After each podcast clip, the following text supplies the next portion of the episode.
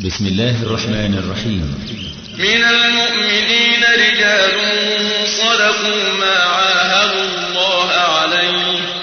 فمنهم من قضى نحبه ومنهم من ينتظر. وما بدلوا تبديلا. أولئك آبائي. آبائي. الإمام البخاري رحمه الله. كان إذا ذكر البخاري قال ذاك هو الكبش النطاح كبش النطاح إذا نطح واحد لازم يفلق دماغه على طول. الإمام البخاري رحمه الله. رحمه الله. لما كان بيرحل لطلب الحديث كان بيتعرض للموت. الحفظ بتاع البخاري ده ما يجيش على إنسان أبدا. يجي على جن ماشي لكن إنسان ما تنفعش. رحمه الله. رحمه الله. أول من نعلمه. رحل لطلب العلم هو آدم عليه السلام. أولئك آبائي أولئك آبائي يقول أبو حاتم الرازي مشيت على قدمي ألف فرسخ في طلب الحديث. ما ركبت؟ يعني مشى خمسة آلاف كيلو. أولئك آبائي موقف صعب جدا على عبد الله بن الزبير وقد تخلى عنه أهله وولده. وكان بطلا مغوارا يعني ظل يقاتلهم عشر ليال وحده وهو مسند ظهره إلى الكعبة.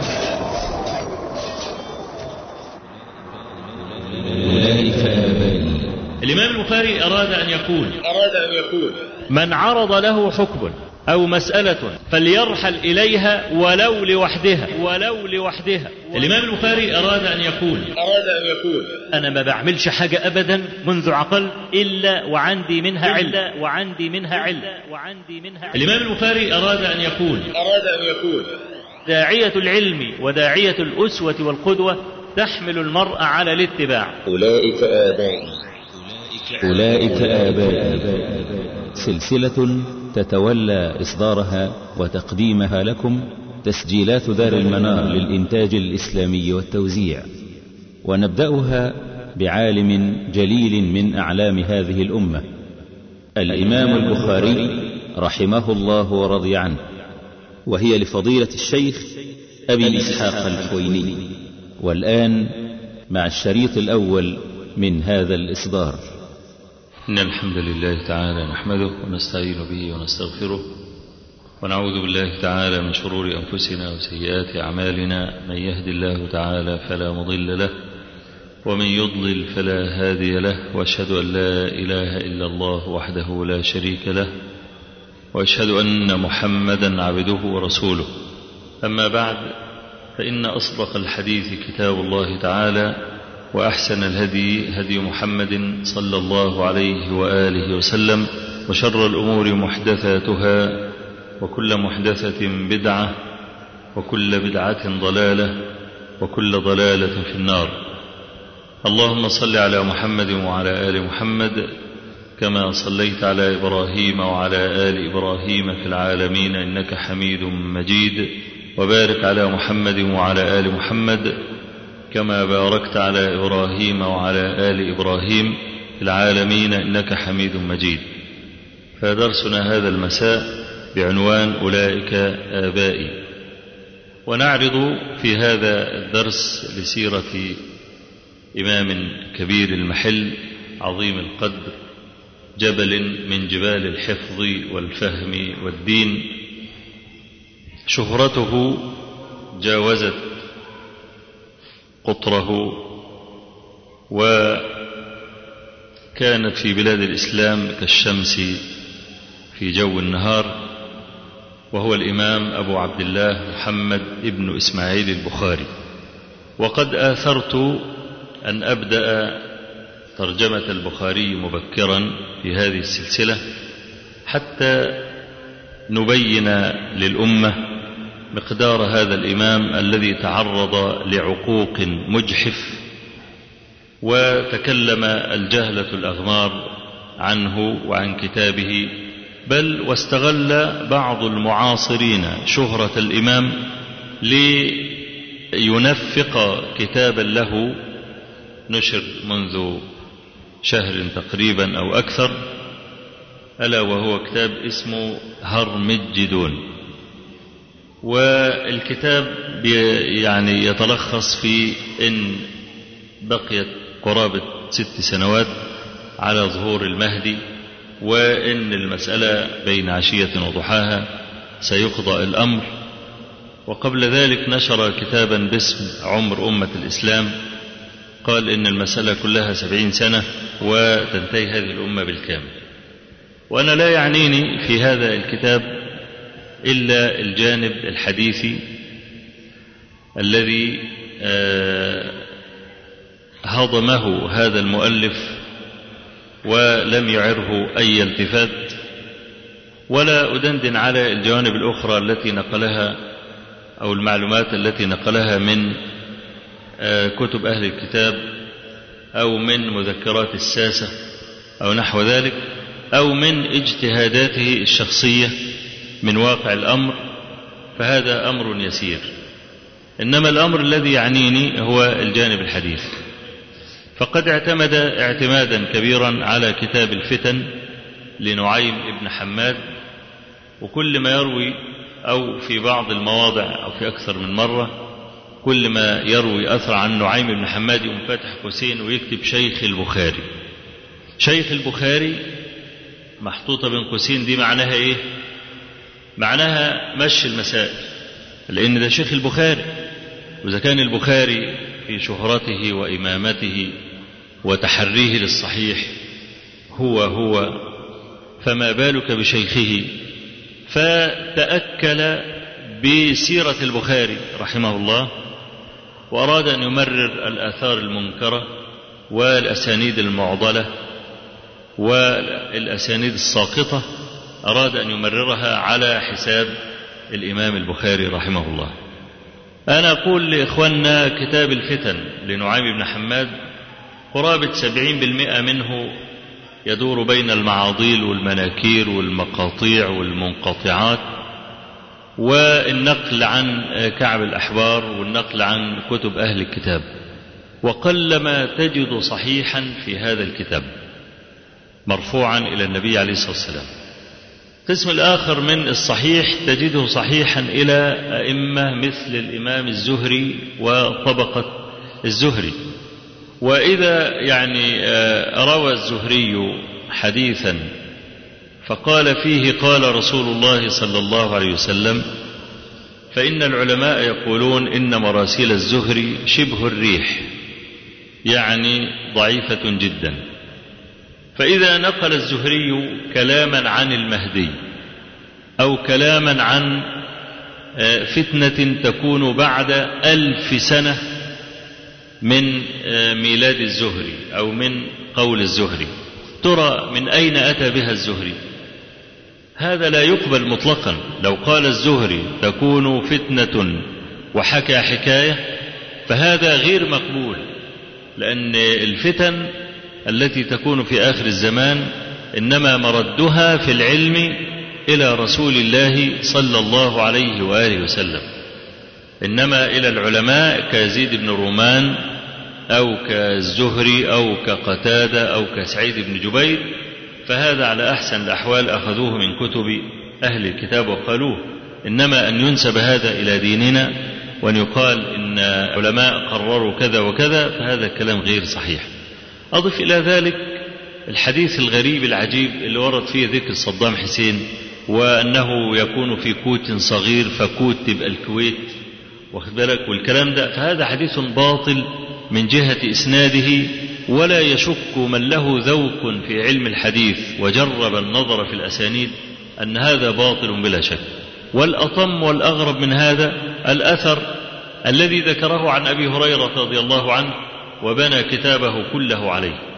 وهذا الأثر يزعم أن بعض الباحثين وجده في مخطوطة في تركيا لمؤلف في القرن الثالث الهجري وذكر اسم المؤلف أنا نسيت الآن. فهذا المؤلف لا وجود له بتة في أي كتاب من كتب التراجم المطبوعة عندي وهي كثيرة جدا ووفيرة.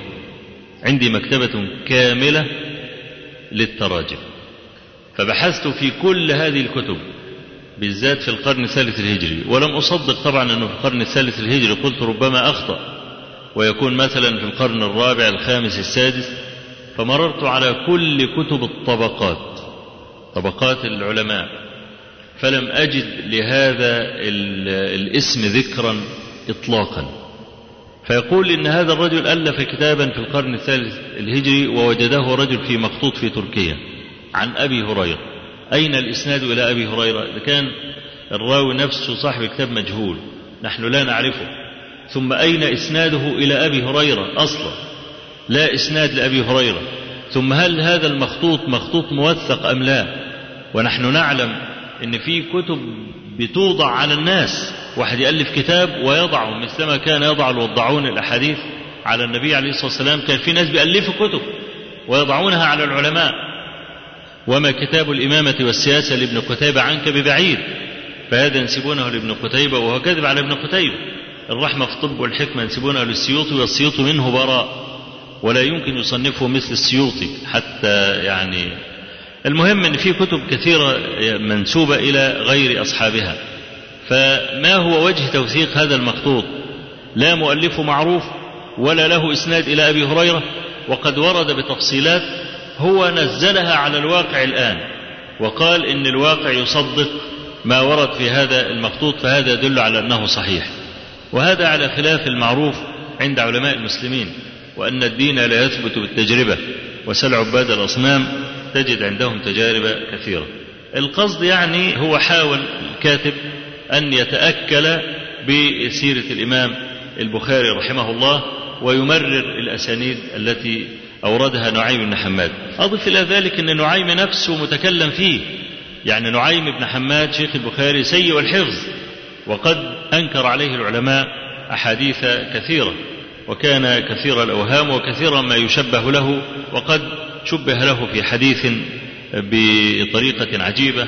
أورد هذا الحديث وهذه الحكاية الذهبي في سير أعلام الولاء في ترجمة نعيم بن حماد فإن شئت فطالعه قصد أن الإمام البخاري رحمه الله ممن نفتخر بأنه من أمتنا وقد بلغ غاية الإتقان في سيرته من جهة علمه وورعه وتقواه وسماحة نفسه ومن جهة تصانيفه أيضا.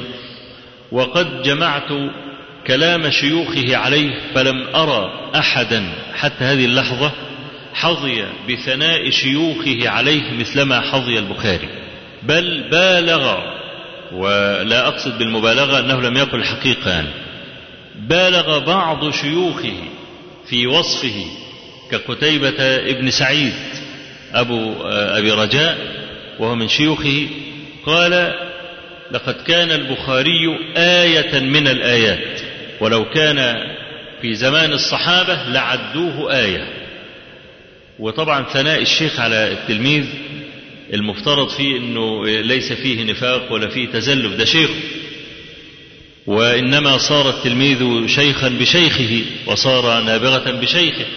فثناء الشيوخ على التلاميذ هذا باب عظيم جدا بخلاف الأقران بخلاف من يأتي بعد ذلك. فكما سنقف عليه في موضعه إن شاء الله تعالى. فأما اسمه فهو أبو عبد الله محمد ابن إسماعيل ابن إبراهيم ابن المغيرة ابن بردزبة البخاري الجعفي مولاه. وبردزبة هذا هو الضبط الصحيح لهذه الكلمة كما ذكره ابن ماكوله وغيره.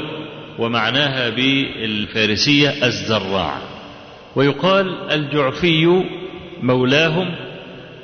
ليه؟ لأن المغيرة اللي هو جد بقى البخاري الأعلى هذا أسلم على يد يمان الجعفي وكان حاكم بخارى آنذاك.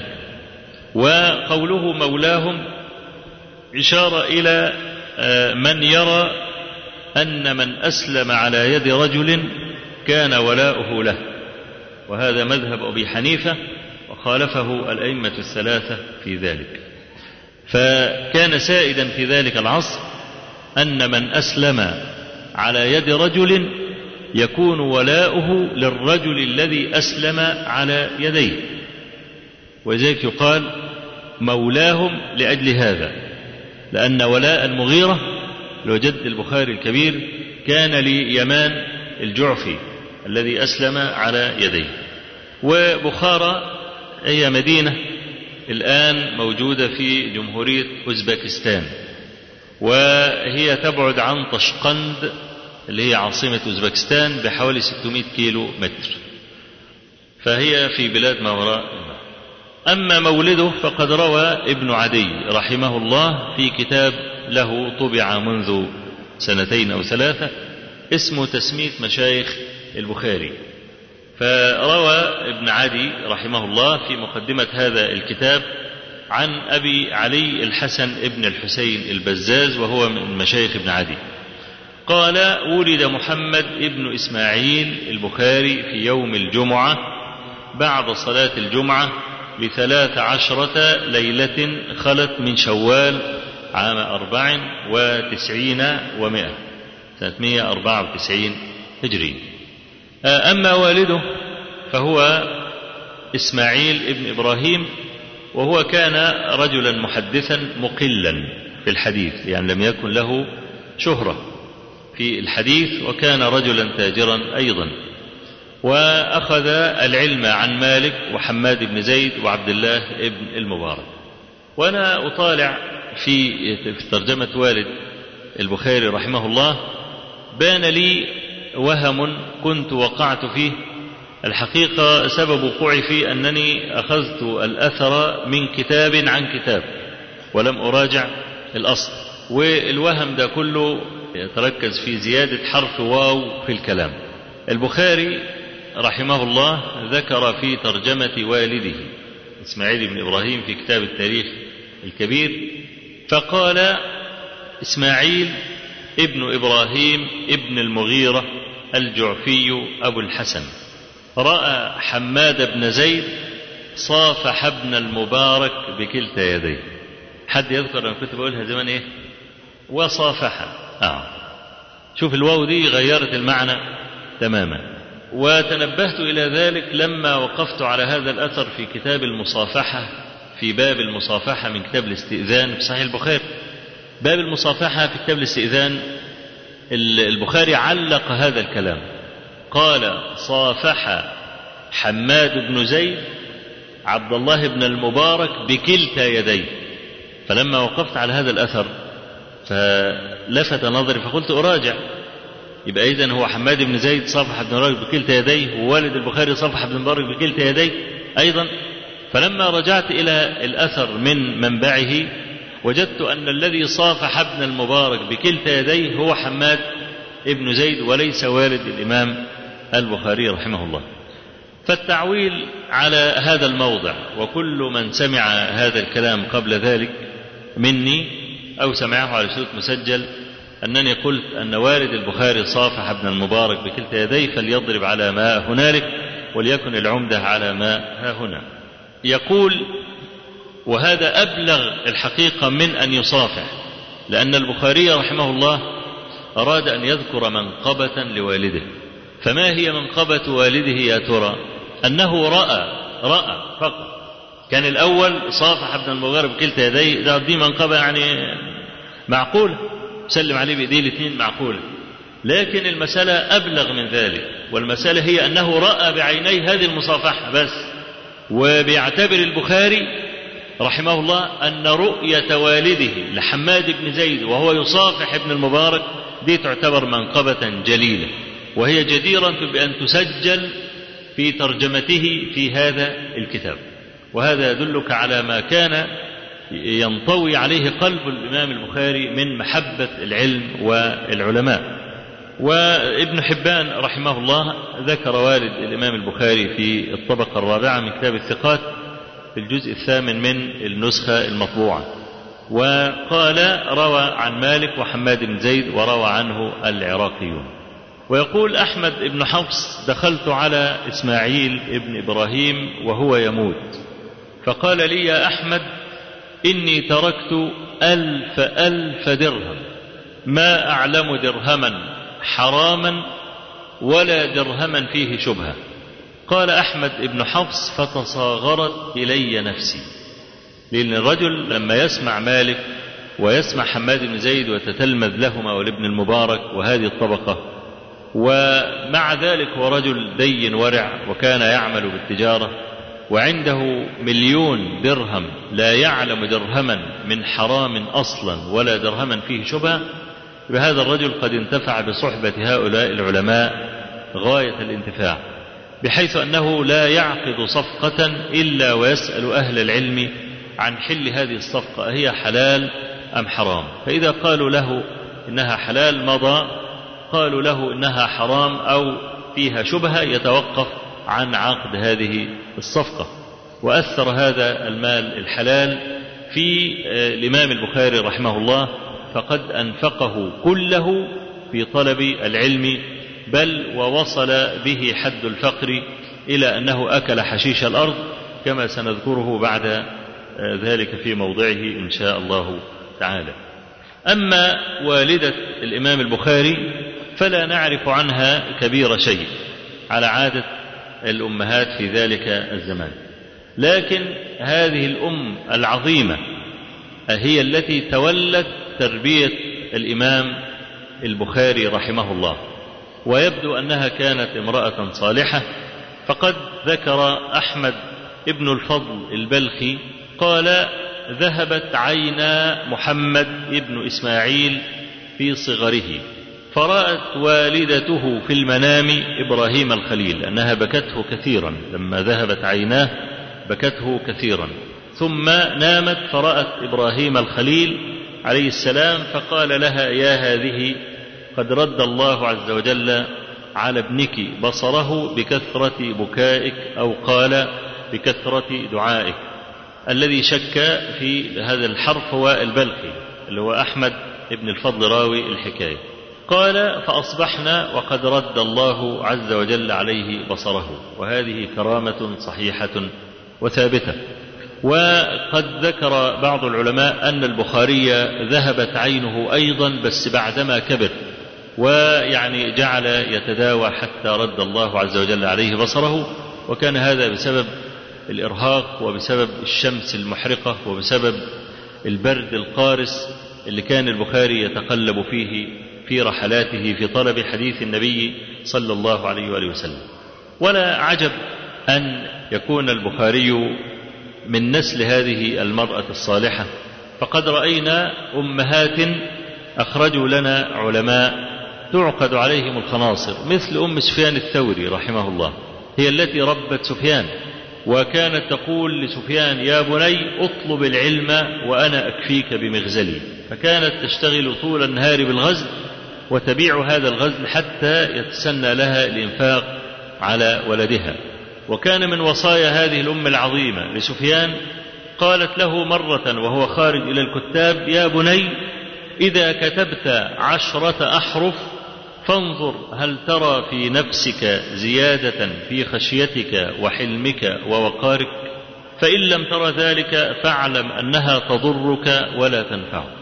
فهي بتحثه على العمل العمل بالسنن ومثل هذه الوصايا جعلت السنن سهلة التنفيذ بالنسبة لهؤلاء العلماء حتى كان يسهل عليهم أن ينفذوا ما فيها. لا يتكلفون يعني لما الواحد يقول الإمام البخاري كان بيأكل الحشيش سهل عليه أن يأكل الحشيش لأنه روى أخبار الصحابة أنهم كانوا يأكلون ورق الشجر. وهو من صغره كان يتأسى بهؤلاء.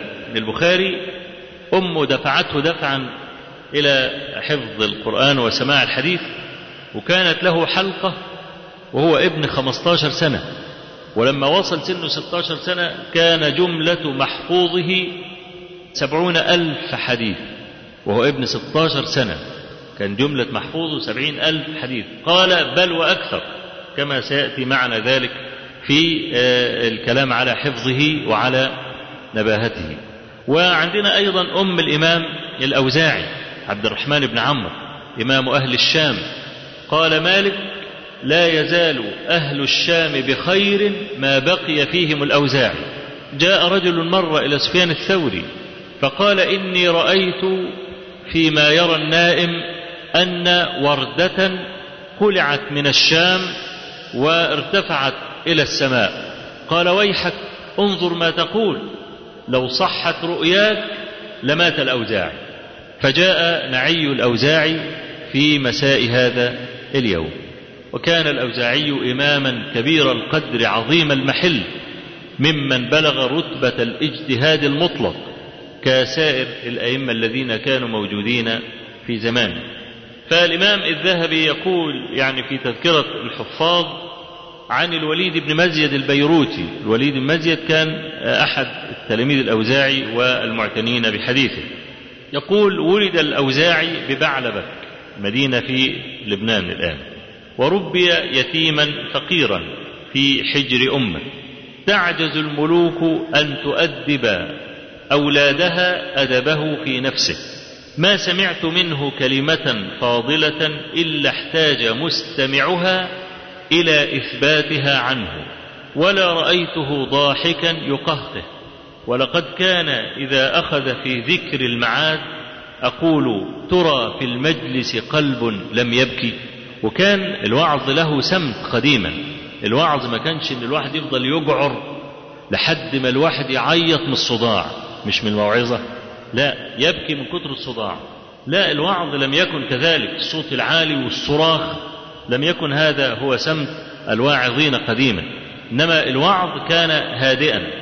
لكنه كان يخترق القلب كالسهام المسددة. كان عبيد بن عمير ابن الصحابي الجليل عمير كان يعظ وكان عبد الله بن عمر يجلس في مجلس وعظه. وكان ابن عمر إذا سمع وعظ عبيد بن عمير كان يبكي وتسيل عبرته. فهذا الإمام أيضا ربته أمه. وربيعة ابن أبي عبد الرحمن ربيعة الرأي ربته أمه أيضا. ولكن ذكروا له حكاية منكرة لا تصح وقد أثبتها بعض من صنف في حياة التابعين وأتباع التابعين وهي أن والد ربيعة خرج غازيا وغاب سبعا وعشرين عاما عن بيته وكان ربيعة أنذاك ابن سنة أو نحو ذلك وبعد سبعة وعشرين سنة ظنوا أنه مات إذا به يرجع وقد ركب فرسه ومعه رمحه فطرق الباب فلما خرج ربيعة وكان قد كبر تجاوز الثلاثين من عمره فقال له يا فاجر كيف تدخل داري في غيابي؟ قال بل أنت الفاجر كيف تدخل بيت غيرك في غيابي؟ المهم إيه نزلوا وفضلوا يضربوا بعض حتى تسامع بهم الجيران. المهم إن الأم خرجت فلما رأته قالت يا بني هذا أبوك هذا أبوك. المهم يعني يتصالحوا على بعض ودخل ربيعة لها أين المال؟ وكان ترك آنذاك ثلاثين ألف دينار. قالت اذهب إلى المسجد وعندما ترجع سأكون استخرجت المال. المهم أنه هو بعد العلقة المتبادلة دي ربيعة ذهب إلى المسجد كان ربيعة بن أبي عبد الرحمن هو إمام أهل المدينة آنذاك دخل المسجد وإذا الطلبة كلهم حواليه وعمال يشرح والكلام ده. فلما دخل ربيعة والد ربيعة فنظر من هذا؟ قالوا هذا ربيع ابن أبي عبد الرحمن. فلم يصدق نفسه ورجع يشكر هذه الأم أنها ربت الولد. فقالت هذا المنظر الذي رأيته أو ثلاثين ألف دينار. قال طبعا لا هذا المنظر الذي رأيته. قال فقالت له فقد أنفقت الثلاثين ألف دينار على هذا الولد. فيعني رضي منها بذلك. طبعا الإمام الذهبي أبدى عللا مؤثرة في سلامة هذه القصة. قال إن في ذلك الوقت لأن الرواية بتقول إن لما ضربوا بعض وكده والناس جم يسلكوا كان اللي إيه من ضمن اللي بيسلكوا مالك الإمام مالك آنذاك. وأفتى فتوى إنه يعني لا يجوز أن تدخل الدار إلا ببينة ومش عارف إيه الكلام في الوقت في هذا الوقت كان مالك بن أنس سنه سنة واحدة. يعني في ذلك التاريخ وشوف بقى نباهة المحدثين كيف يزيفون المناكير. يعني يعرف بالنظر في التواريخ إذا كان الراوي ده كذاب ولا لا سمع من الشيخ ده ولا ما سمعش. فهو قال إن في ذلك الوقت كان مالك إما لم يولد وإما كان له من العمر سنة واحدة. وبعدين قال إن المبلغ المبالغ فيه جدا امرأة تنفق 30 ألف دينار ليه؟ قال ده رحلة 27 سنة يكفيه ألف دينار فقط. ده إذا كان مبذر كمان. فكيف تنفق ثلاثين ألف دينار؟ وأين أنفقتها؟ والكلام ده الذهبي بيقوله كمان في زمانه. يعني زمان الذهبي ألف دينار تخلي الواحد ينغنغ ويبقى ابن أبو عرام كمان. فيبقى 30 ألف دينار كمان يعني 300 ألف درهم. فهذا مبلغ يعني كبير جدا. لكن على أي حال هي أم ربيعة هي التي ربته. بعدما خرج ربيعة غازيا. ربته حتى يعني صار ربيعة عالم المدينة الكبير. ممن تتلمذ له مالك وتخرج به وكذلك الليث بن سعد وتخرج به. وكان كبير القدر عظيم المحل في الإسلام. وإذا يعني دخلنا في هذا الباب فلعلنا يعني نحتاج إلى أكثر من محاضرة. في ذكر الأمهات الفاضلات اللواتي ربين أولادهن حتى كانوا أئمة. ومن قبلهم أسماء بنت أبي بكر رضي الله عنها. كانت امرأة فيها حدة والحدة هي قوة النفس وجودة القريحة. وهذه الصفة التي وصفت عائشة رضي الله عنها بها سودة بنت زمعة. قالت يعني ما أود أن أكون في مسلاخ امرأة كمسلاخ سودة من امرأة فيها حدة. الحدة هنا مش معناها الإنسان يحتد يعني بعصبي. لا الحدة هنا معناها قوة النفس وجودة القريحة. وكانت أسماء رضي الله عنها كذلك. وقد بدا قوة نفسها وقوة نفسها أيضا في مخاطبتها للحجاج بن يوسف الثقفي وكانت قد عميت وكانت قد بلغت المئة عام فجاءته كما رواه ابن السكن في كتاب الصحابة. قال من طريق يعلى التيمي قال جاءت أسماء إلى الحجاج فرأيتها امرأة طوالة قد عميت وجاءت فقالت للحجاج أما آن لهذا الراكب أن ينزل؟ لأن الحجاج بن يوسف لما ظفر بعبد الله بن الزبير صلبه على باب المدينة أياما كثيرة. بل أنا قرأت في بعض الكتب أنه صلبه أربع سنوات حتى نزل لحمه من على العظم وبقي مصلوبا. ولكن هذا يعني أمر مبالغ فيه. فالصواب أنه تركه أياما يعني تركه أكثر من شهر مصلوب على باب المدينة. وعن عارفين عبد الله بن الزبير صحابي. كان من صغار الصحابة وهو أول مولود يولد للمهاجرين بعد الهجرة. وكانت أسماء رضي الله عنها حاملا فيه لما كان النبي صلى الله عليه وسلم مهاجرا إلى المدينة. وكانت بتصعد الجبل وقطعت يعني نطاقها ويعني كما هو مشهور ضمت نطاقا على نفسها ونطاقا آخر كانت تحمل فيه الأكل. للنبي عليه الصلاة والسلام وأبي بكر وكانت تصعد الجبل العالي وهي حامل في الشهر الأخير. من حملها كانت تصعد إلى الغار وتحمل هذا الطعام للنبي صلى الله عليه وسلم وأبيها. فلما دخلت المدينة ولدت بها عبد الله بن الزبير فهذا الذي باركه النبي صلى الله عليه وسلم وحنكه وكان أول شيء نزل بطنه هو ريق النبي صلى الله عليه وآله وسلم.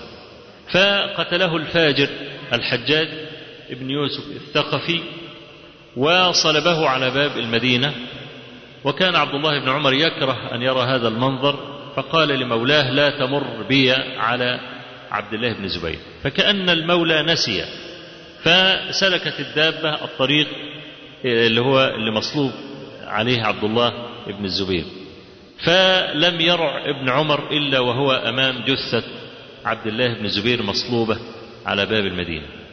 فوقف على الجثة وقال السلام عليك يا أبا خبيب ثلاث مرات. والله ما علمتك إلا صواما قواما وصولا للرحم. والله لأمة أنت شرها لهي خير أمة. ده كان ده أشر واحد فيها زي ما الحجاج بن يوسف كان بيقول. كان لما بيصفى عبد الله بن الزبير كان يقول هذا شر أمة محمد صلى الله عليه وسلم. فهنا ابن عمر بيرد عليه يقول إذا كان شر الأمة صوام قوام وصل الرحم أمال يبقى خيرها شكله إيه؟ والله لأمة أنت شرها هي خير أمة. فكان بقى الجواسيس الذين لا يخلو منهم زمان كانوا يسمعون الكلام وينقلونه إلى الحجاج بن يوسف. فنقلوا هذا الكلام إلى الحجاج ابن يوسف الثقفي فخشي أن يمر ابن عمر ويمر غيره ويتكلم مثل هذا الكلام. فأنزلوه وقال ادفنوه في مقابر النصارى. يعني عن مبالغة في تكفير الذنوب عليه. وهذا الكلام موجود في صحيح مسلم وفي غيره من الكتب. المهم إن أسماء جاءت وقالت له أما آن لهذا الراكب أن ينزل يعني تفضل صلبه كده وميت كثير؟ فقال لها إنك عجوز قد خرفت. قالت لا والله ما خرفت. لكنني سمعت رسول الله صلى الله عليه وسلم يقول يخرج من ثقيف كذاب ومبير. فأما الكذاب فقد رأيناه وهو المختار ابن أبي عبيد الذي ادعى النبوة. وتعجب إذا علمت أن المختار ابن أبي عبيد كان أخو زوجة عبد الله بن عمر كان أخو صفية اللي هي زوج عبد الله بن عمر. وأما المبير فهو أنت. المبير أي المهلك. المهلك. وطبعا من تدبر سيرة الحجاج بن يوسف علم وقع هذا المجرم الآثم في الإسلام وفي أهله. لقد قتل سبعين ألف. هذا المخذول. وكما يقول الذهبي نسبه ولا نحبه. فأسماء رضي الله عنها يعني من الأمثلة على جودة قريحتها مثل رأيته في كتاب الأدب المفرد للإمام البخاري رحمه الله بيرويه عن عروة ابن الزبير. قال دخلت أنا وعبد الله بن الزبير على أسماء قبل أن يقتل عبد الله بعشر ليال وأسماء وجعة. فقال لها عبد الله كيف تجدينك؟ قالت وجعة. قال إني في الموت. فقالت لعلك تشتهي موتي فلذلك تتمناه فلا تفعل. فوالله ما أشتهي أن أموت حتى يأتي على أحد طرفيك أو تقتل فأحتسبك وإما أن تظفر فتقر عيني. لعل ضبطها حتى يأتي علي أحد طرفيك إما أن تقتل فأحتسبك وإما أن تظفر فتقر عيني.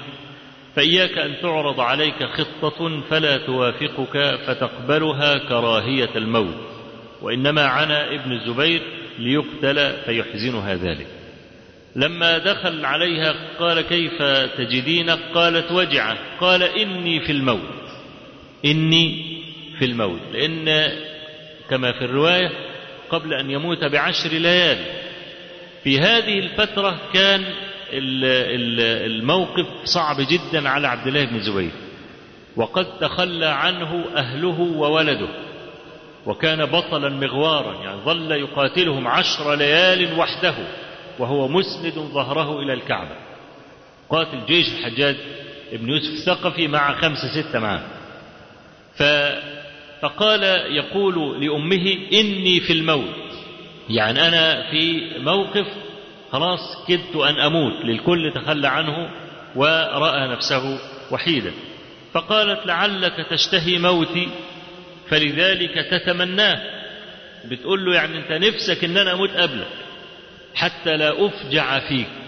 يعني من رحمته وشفقته إنه عايزها تموت قبل أن يعني تعرف النهاية المحزنه المحزنة له. قالت فلا تفعل. فوالله ما أشتهي أن أموت حتى يأتي علي أحد طرفيك يعني النصر أو الشهادة. إما أن تقتل فأحتسبك. أم بتقول لابنها هذا الكلام. إما أن تقتل فأحتسبك. وإما أن تظفر فتقر عيني. وبعدين بتحذره أن تعرض عليه خطة فيقبلها. وقد ذكر ابن جرير الطبري رحمه الله في تاريخه تفاصيل هذه الخطة التي أو عرضوها عليه. وأنهم قالوا له يعني إذا سلم فإنهم سيولونه على بعض المدن والأمصار. فنهته أمه أشد النهي قالت له إما أن تكون محقا أو تكون مبطلا. فإذا كنت محقا فامض إلى الحق الذي قاتلت من أجله وقد قتل ألوف معك لأجل هذا الحق. فليس من فعل الأحرار أنك أنت ترجع وتداهن ويبقى دم الذين راحوا معك قتالا على هذا الحق راح هدرا فليس هذا من فعل الأحرار. وإما إذا كنت بتعتقد أنك على الحق فقاتل حتى تقتل مثل هؤلاء الذين قتلوا قبل ذلك. يعني أم قوية النفس والنفس تربي أولادها على هذه القوة وتربي أولادها على الحرية. فيا ليت النساء اللي هم لسه يعني على مشارف الزواج يعتقدن مثل ما كان يعتقد هؤلاء الأمهات قديما. لعل الله عز وجل يخرج من يرفع رأسنا وينصر هذا الدين. فإننا يعني في هذه الظروف الحالكة التي تمر بها أمتنا من استعلاء اليهود علينا وقتلهم لإخواننا المسلمين في فلسطين بالألوف المؤلفة. حتى أنهم عجزوا عن دفن موتاهم حتى إن الجو كله امتلأ برائحة النتن. كل هذا والمغاوير في بلاد المسلمين يقاتلون من خلف الميكروفونات ويتكلمون عن الحرب ويتكلمون عن الحرية من خلف المكيفات ولله الأمر من قبل ومن بعد. يعني هذا الزخم الذي نراه سببه خروج الأمهات إلى العمل وتركوا تربية الأولاد للشوارع وللتلفزيونات فإن كانوا من الطبقات الراقية فقد تركوا الأولاد للخادمات. وهكذا خرج هذا الجيل لا قيمة له مطلقا بسبب أن الأمهات تركوا تربية الأولاد. وكما أقول دائما في محاضراتي ودروسي وخطبي أن أعداءنا استطاعوا أن يفسدوا مجتمعات المسلمين جميعا بإفساد النساء. فنرجو يعني من النساء لا سيما أصحاب الرسالات واللواتي يقفن الآن على فجيعتنا في هذه الأمة أن يتدبرن هذا الأمر وأن يصححن الطريق. لعل الله عز وجل يخرج من يكون مثل هؤلاء الأئمة الذين ربتهم أمهاتهم. الإمام البخاري رحمه الله ربته أمه بعد موت أبيه وانقطعت أخبارها عنا فمع كثرة طلبي لأخبار هذه الأم بالذات لم أجد عنها شيئا مذكورا في الكتب إلا هذا الأثر الذي ذكره المترجمون للإمام البخاري ويشتم منه أنها كانت امرأة صالحة. أما نشأة الإمام البخاري رحمه الله وظهور نبوغه فإنه بعد حفظه لكتاب الله على رأس تسع سنوات بدأ يطلب العلم وكان بدء نبوغه في حلقة الداخلي وكان شيخا كبيرا جدا في بخارى آنذاك وكانت حلقته مأهولة بأهل العلم. يقول محمد ابن أبي حاتم الوراق ومحمد بن أبي حاتم ده هو ليس هو ابن أبي حاتم صاحب كتاب الجرح والتعديل. صاحب كتاب الجرح والتعديل اسمه محمد أيضا لكن اسمه أبو محمد عبد الرحمن ابن أبي حاتم الرازي. عبد الرحمن ابن محمد ابن إدريس. وكنيته أبو محمد مش اسمه. ده رجل مختلف عن محمد بن أبي حاتم الوراق اللي هو وراق البخاري اللي كان ينسخ للإمام البخاري. وقد ألف كتابا اسمه شمائل البخاري فكل من ترجم للبخاري أخذ يعني معلوماته من هذا الكتاب. يقول محمد بن أبي حاتم قلت لأبي عبد الله كيف كان بدء أمرك؟ يعني وظهور نبوغك. قال ألهمت حفظ الحديث وأنا في الكتاب. فقلت له كم كان سنك؟ قال عشر سنين أو أقل. ثم خرجت من الكتاب بعد العشر فجعلت أختلف إلى الداخلي وغيره. ثم خرجت في يوم من الأيام في حلقة الداخلي فكان يقرأ للناس سفيان عن أبي الزبير عن إبراهيم. سفيان إسناد يعني سيقول به أثر من الأثار سفيان عن أبي الزبير عن إبراهيم. فقلت له إن أبا الزبير لم يروي عن إبراهيم. قال له اسكت. قال له كما أقول لك. ارجع إلى كتابك. قال فدخل الداخلي فأتى بكتابه فقال كيف هو يا غلام؟ قلت إنما هو الزبير بن عدي عن إبراهيم. قال أحسنت يا غلام. هو كذلك. فرد البخاري على الداخلي فقال إنما هو الزبير بن عدي عن إبراهيم. قال صدقت يا غلام وأخذ القلم فأصلحه. قال إن أبي حاتم الوراق فقلت للبخاري ابن كم كنت حين رددت عليه؟ قال ابن إحدى عشرة سنة. فلما طعنت في ست عشرة سنة كنت حفظت كتب ابن المبارك ووكيع وعرفت كلام هؤلاء. هؤلاء اللي هم إيه؟ أصحاب الرأي اللي هم أصحاب أبي حنيفة. ثم خرجت مع أمي وأخي أحمد إلى مكة. فلما حججت رجع أخي بها وتخلفت في مكة لطلب الحديث. أول رحلة للإمام البخاري كانت سنة 210 ورحلة البخاري رحلة واسعة وستحتاج إلى محاضرة مستقلة. لكن العلماء كالخطيب وغيره الذين تكلموا في الرحلة قالوا إن من آداب الطلب أن ينتهي الطالب من شيوخ بلده أولا ثم بعد ذلك يرحل إلى الآفاق لتحصيل العلم من علمائها. وهذا هو الذي اتبعه الإمام البخاري رحمه الله. فكان يحضر مجالس كبار العلماء في بلده كالداخلي وكمحمد ابن سلام البيكندي وهذا هو النطق الصواب لكلمة سلام. كما جزم بذلك الخطيب وابن ماكولة وغنجار. غنجار له كتاب اسمه تاريخ بخارى. يقول الذهبي إليه المفزع والمرجع في تاريخ بخارى. أما صاحب المطالع فقال ثقله الأكثر ولم يتابع على ذلك. يعني محمد ابن سلام.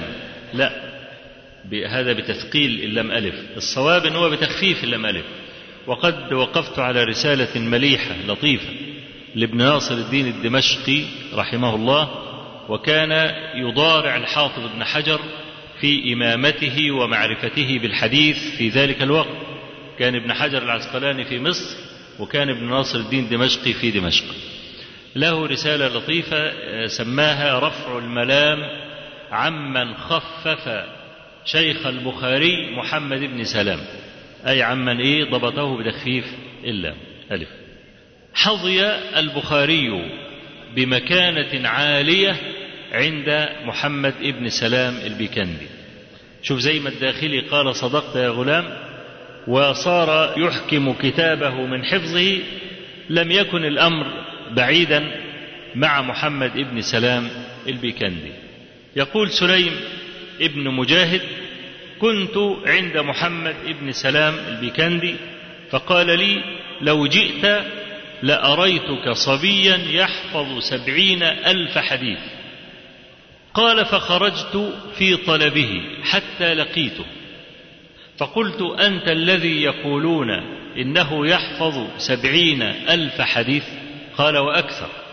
ثم قال له لست أروي حديثا لواحد من هؤلاء إلا وأعرف اسم الصحابي وتاريخ مولده وتاريخ وفاته وبلده وأين عاش وليس هذا فقط. بل ما روى واحد من هؤلاء كلاما إلا وأجيئك بأصله من كتاب الله عز وجل وسنة رسوله صلى الله عليه وآله وسلم. ده كان عنده كم سنة في ذلك الوقت؟ كان عنده 12 سنة. 12 سنة. يقول لا أذكر واحدا من هؤلاء إلا أتيك بتفاصيل حياته. يعني ده روى مرة إسحاق بن راهوي في مجلس من مجالسه إسحاق ده من مشايخ البخاري. ومن أئمة الفقه والحديث. روى حديثا عن عطاء الكيخراني فقال يا أبا عبد الله ما كيخران؟ قال قرية باليمن وقعد يوصف له فيها. قال يا أبا عبد الله كأنك كنت مع القوم. من كثر ما عمال يصف كل ما يعني يسألون عن مسألة يأتيهم بخبرها. فمحمد بن سلام البيكندي كان يقول كما ذكر ابن السبكي في طبقات الشافعية والحافظ بن حجر في مقدمة الفتح كان يقول ما جاءني هذا الصبي إلا ظللت خائفا منه حتى يقوم. خائفا منه حتى يقوم أي خائفا أن يقع في الخطأ. ده ابن 12 سنة. ومحمد بن سلام البيكندي كان إمام بخارى آنذاك. وكانت إليه الرحلة من كافة الأقطار. كان الجماعة اللي بيدسوا في يعني مجالسي كانوا أئمة كبار محدثين وهذا كان صبيا صغيرا. وخرج البخاري كما يعني مر بنا هو وأخوه أحمد وأمه إلى مكة وهو عنده 15 سنة. ولم يرجع البخاري من رحلته هذه إلى بخارى إلا بعد وفاة محمد بن سلام البيكندي يعني البيكندي كان آخر مرة رأى فيها البخاري كان ابن 15 سنة البخاري. ورأى منه هذا العجب فكيف لو عاش البيكندي حتى رأى البخاري بعدما استوى على سوقه ووصفه بعض معاصريه من الأئمة الحفاظ زي ابن صاعد بالكبش النطاح. كان إذا ذكر البخاري قال ذاك هو الكبش النطاح كبش النطاح إذا نطح واحد لازم يفلق دماغه على طول.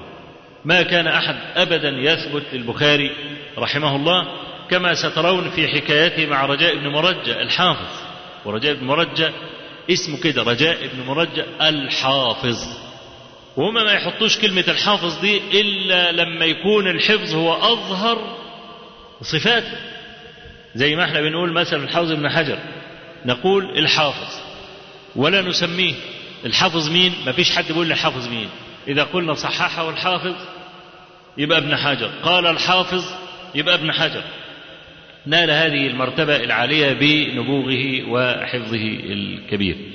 فرجاء بن مرجى الحافظ جاي للبخاري فبقول له ماذا أعددت لمجيئي؟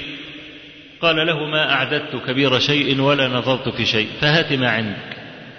يعني بقول له المفروض اللي أنا لما أكون جاي تقعد تقرأ وتذاكر كده طول النهار وطول الليل عشان لما أسألك في حاجة تقوم تجاوب. طلع يعني رجاء بن رجل الحافظ مناخيره مكسورة. والبخاري شوف شغله زي المية كده. العمامة رجاء بن مرجع الحافظ يا دوبك جاب فيها عشر أحاديث بس. عشر أحاديث في العمامة. وفكر بقى أنه يعني خلاص. قال البخاري عندك زيادة؟ قال البخاري نعم. إيه اللي عندك؟ ففضل يكر يكر لحد ما جاب سبعين. وبعدين البخاري قالت فحانت مني التفاتة إليه فرأيت التغير على وجهه فأمسكت. أمال هو كان ناوي يوصل لكام؟ سبعين سبعين سبعين ولا تغير أم واقف لما لقى إيه؟ إن وشه اتغير وبدأ يعني يظهر عليه علامات الجزع هذا رجاء المرجع الحافظ. يعني كبش النطاع مش حد إيه يقف معاه. مش حد يثبت له أبدا. فمحمد بن سلام البيكندي لما يقول أنا لا, أزال خائفا حتى يقوم هذا الصبي من عندي وكان ابن 15 سنة على أقصى تقدير أنه رحل إلى مكة في ذلك الزمان. وأيضا سمع عبد الله بن محمد المسندي وكان أيضا إماما كبير القدر في بخارى. وعبد الله بن محمد المسندي ده حفيد يمان الجعفي. عارفين يمان الجعفي اللي هو إيه؟ اللي هو المغيرة؟ أسلم على إيده. يمان الجعفي ده اللي هو كان حاكم بخارى اللي المغيرة جد البخاري أسلم على يده. عبد الله بن محمد المسندي ده كان حفيدا ليمان الجعفي دي معناها إيه؟ إن ابن الأكابر ابن الإيه؟ الأكابر طالع في أسرة كلها عز وسلطان. فكان برضه له المحل الكبير في بخارى وكل هؤلاء وإبراهيم بن الأشعث برضه كان من علماء بخارى الكبار اللي البخاري أيضا تلقى العلم عليهم. كل الشيوخ اللي البخاري لقيهم وتلقى عليه في بخارى ليسوا من كبار شيوخ مع إن المفترض دول يكونوا أكبر شيوخ عنه. لأن أول ما كبر أول ما بدأ يطلع كده سمع منه. المفترض إن ما يكون دول إيه؟ أكبر شيوخ. لا البخاري له شيوخ كبار. لما رحل بقى إلى الكوفة والبصرة و... وإلى الحجاز و... والبلاد خراسان ونيسابور ومرو وبلخ والكلام ده لقي الكبار اللي هم ألحقوه بالتابعين وهم الطبقة الأولى من مشايخ البخاري التي انفرد البخاري بالرواية عنهم ولم يدركهم واحد من الأئمة الخمسة الباقين بل كل الأئمة الخمسة الباقين يروون عن رجل عنهم الأئمة الخمسة اللي هم مين؟ هم مسلم وأصحاب السنة الأربعة. ها مسلم أبو داود الترمذي النسائي وابن ماجه. الخمسة دول يروون عن الطبقة الأولى من مشايخ البخاري بواسطة. فالبخاري هو أسن الجماعة.